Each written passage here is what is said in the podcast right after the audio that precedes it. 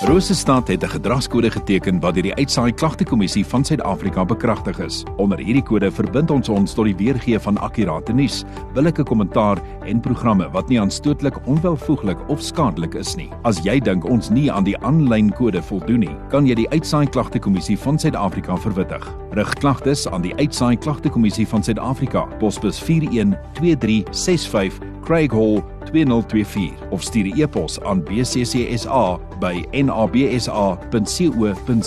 Vir verdere inligting, besoek www.bccsa.co.za. En nou geval kom ons beweeg aan. Nou Letty Forsie skool het 'n fondsinsameling die 14de September.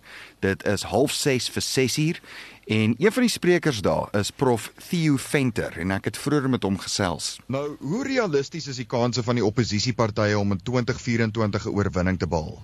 Wel, ek dink mense moet dit so omsien dat ehm um, gewoonlik vorm partye koalisies na 'n verkiesing. In Suid-Afrika se geval het die oppositiepartye dit reg gekry om hulle strydbyle te begrawe en met mekaar 'n verkiesingsooreenkoms aan te gaan om gesamentlik die verkiesing um, aan te pak teen die ANC veral as die regerende party. Ek dink hulle staan 'n goeie kans om 'n baie kompeterende uitslag af te dwing, maar of hulle die vermoë het om 'n oorwinning te behaal op die nasionale vlak, die twyfel ek op hierdie stadium.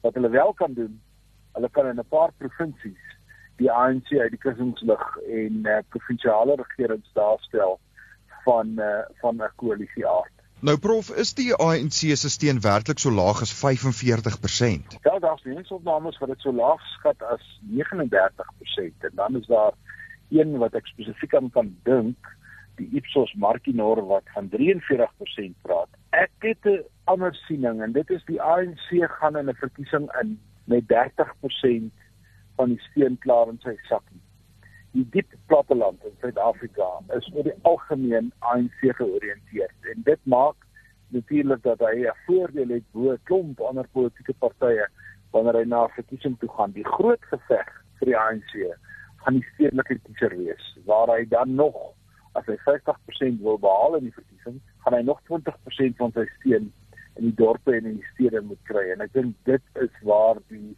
oppositiepartye hom sy grootste politieke geveg gaan meebring. En ek dink die ANC het die vermoë om hier kort diskant die 50, kom ons sê 49%, selfs 50% te kan haal, maar ek dink sy steun is van so 'n aard dat hy een belangrike ding nie hoef te oorweeg nie en dit is om in 'n koalisie te gaan met die EFF.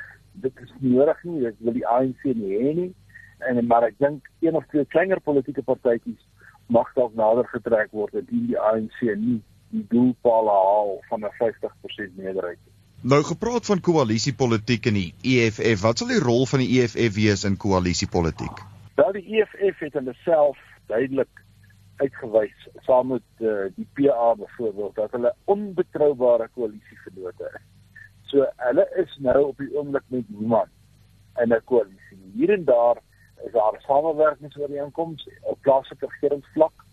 Is dit beslis so maar op die provinsiale en op die nasionale vlak sien ek in 2024 nie regtig vir die EFF 'n groot rol nie. En as daar 'n verhoogde stemtempo is, met ander woorde as meer mense na die verkiesing toe gaan, dan gaan die EFF se steun van 10% ook onder druk kom. Want die EFF doen sy beste wanneer daar 'n lae stemtempo is. Dis Rosestad 100.6 ons gesels met prof Theo Venter net om af te sluit watter invloed gaan Ysmagashule se nuwe party Act of ICT in 2024 hê? Wel, komende van julle radiostasie in Bloemfontein praat ons natuurlik nou oor een van julle belangrikste uitvoerprodukte uit die Vrystaat, meneer Ysmagashule. Nee, dis sommer Dominikies. Hy is eintlik 'n hy is eintlik 'n seun van Parys. Hy het groot geword in die Township Pomahole net buite Parys en uh, uitgeskop uit die ANC. Hy is in 'n hofsaak of twee gewikkel wat nog vir 'n rukkie lank gaan besig hou.